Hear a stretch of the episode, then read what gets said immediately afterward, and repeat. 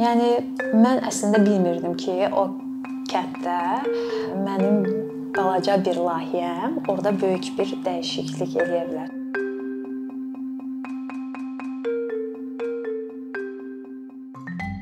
Deməli 4-cü kursda oxuyanda mən İstanbulda kənddən daha çox gedib gəlmək imkanım yarandı.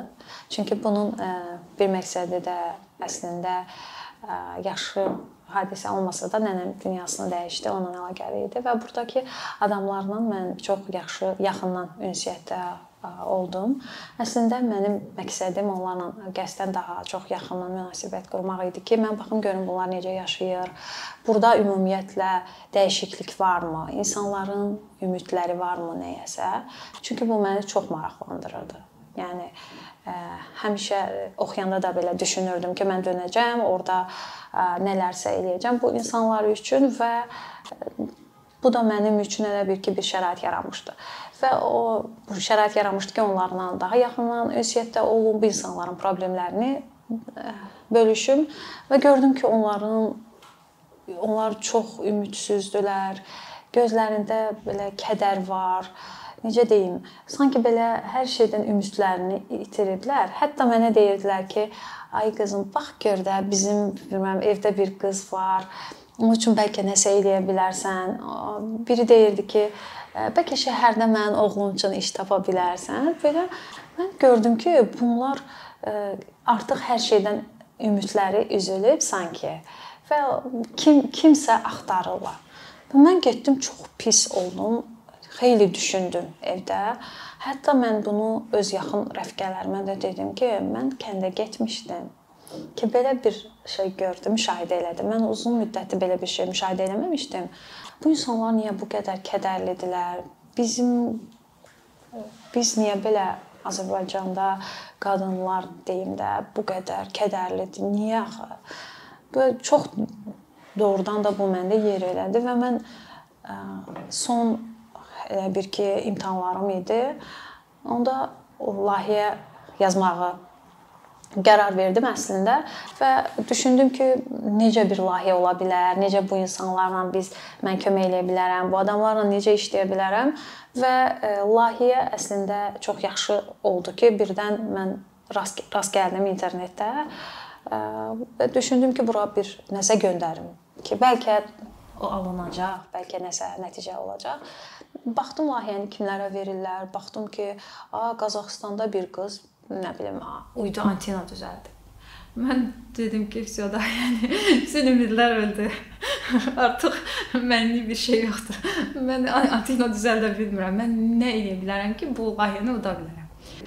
Sonra düşündüm ki, bəlkə kənddə baxaq ki, insanlarla bir iş yeri ya nəsə də belə bir şey düşünüm, görə bəlkə nəsə alınır. Və düşündüm ki, o vaxtda da yadımda idi. Bizim evdə də tikiş maşını var idi bir dənə Sovet vaxtından qalma və bilirdim ki, hər bir evdə bu maşından olmalıdır. Yəni hər kəs ən azı bir dənə tikiş vura bilər. Və belə vurmasa belə bu çətin bir şey olmaz. Kimsə gələr, təlim keçər, bunları öyrənər və başlayar tikiş tikməyə. Və mən qərar gəldim ki, burada tikiş yeri açmaq.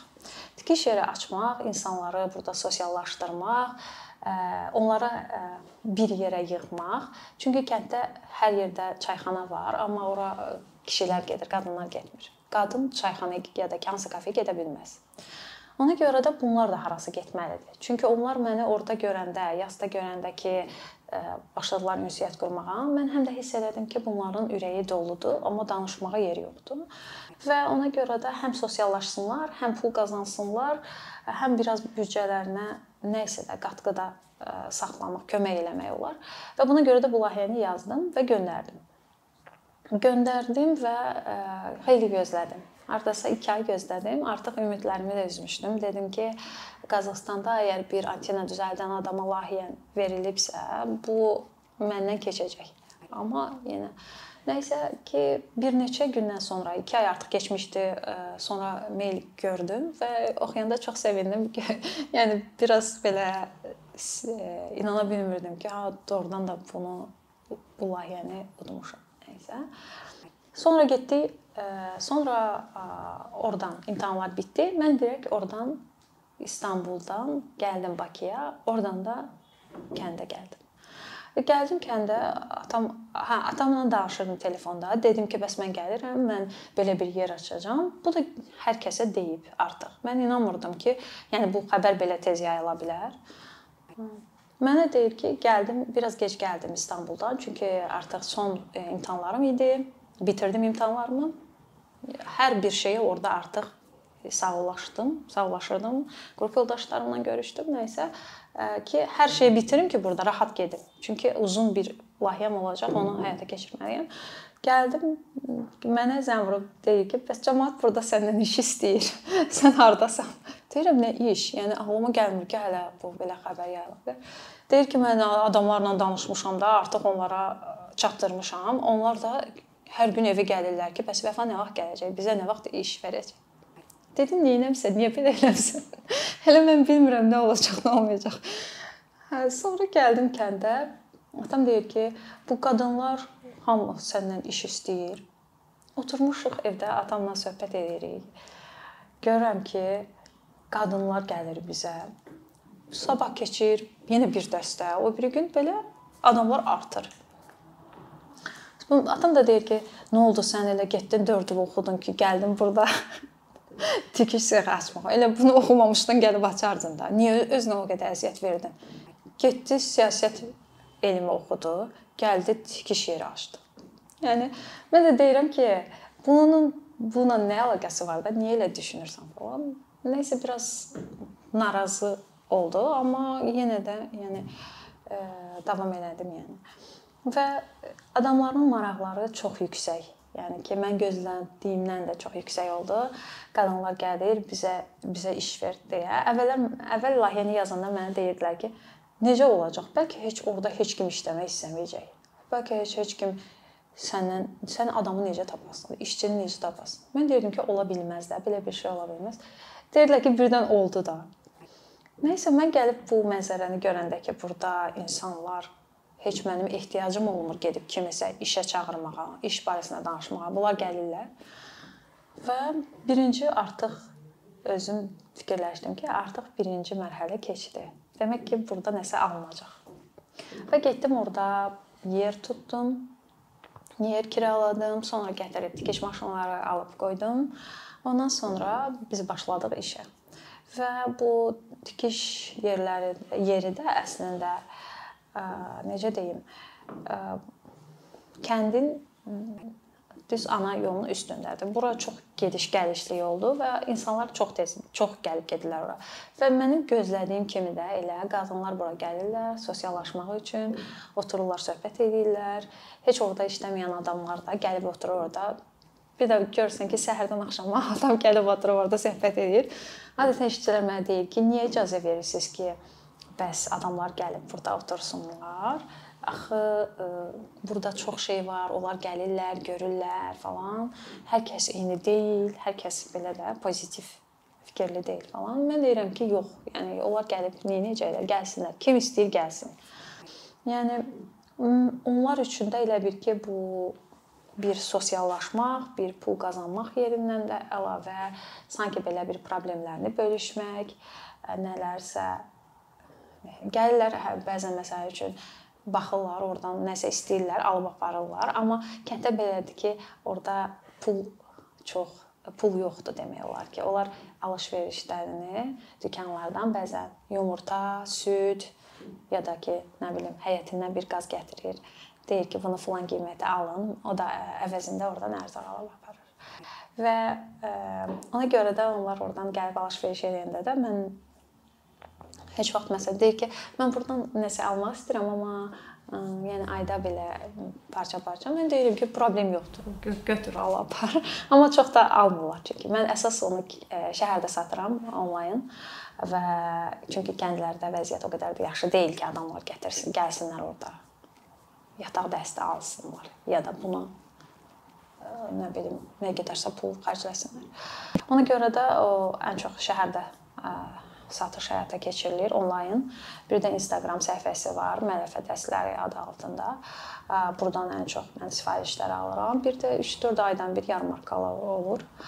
Və burada bu balaca yerdə 5 qadın işləyir. Əslində layihə yazanda əvvəl 12 qadın nəzərdə tutulmuşdu, amma sonra çox çətin olduğu üçün bu 5 qadın oldu. Amma mənim gələcəkdə planım var ki, bunu daha da böyütmək, daha çox insanlara çıxış yaratmaq, daha başqa kəndlərdə yaratmaq.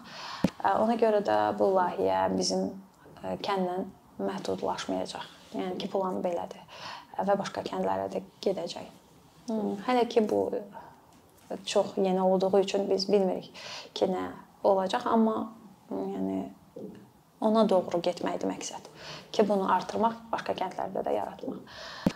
Layihə necə deyim, çox az təminatlı, gəliri olmayan insanlar üçün nəzərdə tutulub ki, bu qadınların heç yerdən gəliri yoxdur və gəlsinlər burada işləsinlər, büdcələrinə az da olsa kömək eləsinlər.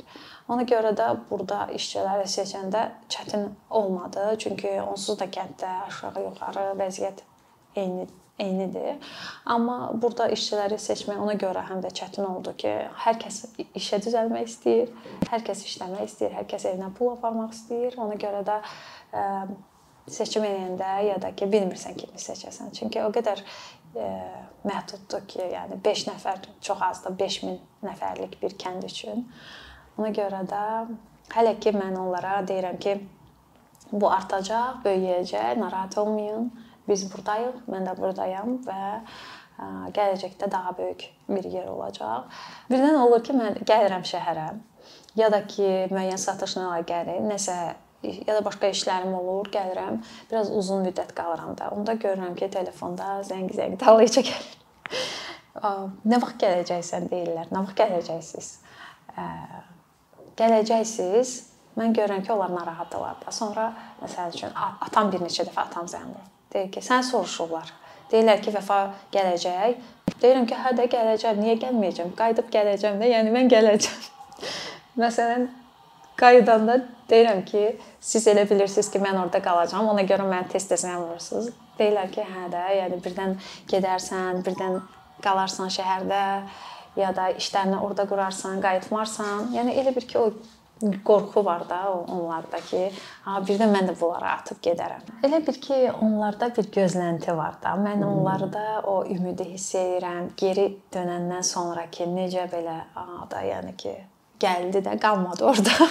yəni şəhərdə qalmadı. Hər zaman bu sualı təkrar-təkrar mən qaydanda mənə verirlər ki, sən şəhərə gedəcəksən, şəhərdə nəsə iş, bəlkə iş qurursan ya da ki, şəhərdə bəlkə hansısa bir işə düzəlmisən. Mən deyirəm ki, yox. Hətta qadınlardan biri deyirdi ki, mən gərək sənin üçün bir neçə də tələbə tapam ingilis dilində ki, sən ona ingilis dilində hazırlaşasan ki, birdən getmək istəsən gedə bilməyəsən də, heç olmasa tələbələri qoyub hara gedəcəksən. Mən də deyirəm ki, narahat olmayın da. Mən tələbələr yox, heç sizi də qoyub getmərəm. Gəlir ki, burdayım da, narahat olmayın. Ya birdən soruşurlar ki, bəlkə xarica gedəsən master oxumaq üçün, ya da ki, nə vaxt gedəcəksən? Mən deyirəm ki, hələ bilmirəm, hələ o planlar biraz geridədir. Yəni mən əslində bilmirdim ki, o kənddə bu mən balaca necə deyim, mənim balaca bir layihəm orada böyük bir dəyişiklik eləyə bilər. Nə barədə böyük dəyişiklik? Yəni o insanlardakı o pozitiv o təşəbbüsü qarşılamaq. Yəni ki, ə, necə onlar üçün bu böyük bir şeydir və onların həyatına elə bir ki, ə, yeni bir şey gəlib. Bu balaca bir ə, təşəbbüs onlar üçün, o kənd üçün böyük bir dəyişiklikdir deyim. Çünki mən onları onlardan deyil, başqa adamlardan da, kənd sakinlərində söhbət edəndə mən bunları eşidirəm. Onlar danışırlar. O ki, o necə pozitiv danışırlar, necə belə ə, ümidlə bu çox böyük bir şeydir. Yəni əslində layihə mən yazanda həm də fikirləşmişdim ki, bu bir nümunə olsun. Sosial biznes bir nümunə nümunəvi bir şey olsun ki, onlar bundan stimul alsınlar. Nəinki onlar, başqa insanlar da, təkcə kənddə yaşayanlar yox. Başqa insanlar, başqa yerlərdə oxuyanlar, xaricdə oxuyanlar, nə bilim öz kəndindən çıxıb gəlib şəhərdə oxuyanlar, onlar üçün də bu nümunə olsun və heç də düşünməsinlər ki, hansısa bir işi quranda mütləq şəkildə böyük bir büdcə lazımdır. kiçik bir büdcə ilə pozitiv dəyişikliklər də eləmək olar. Ona görə də, yəni bu nümunənin, bu layihənin bir məqsədi də insanlara stimul vermək idi. Və mən bu layihəyə başlayandan sonra çox pozitiv necə deyim, mesajlar alırdım. Facebookda mənə çox adamlar yazırdı. Çoxsu da Türkiyədə oxuyanlar idi ki, nə yaxşı ki, siz qayıtdınız. Bizim bu ölkəyə inamımız artdı.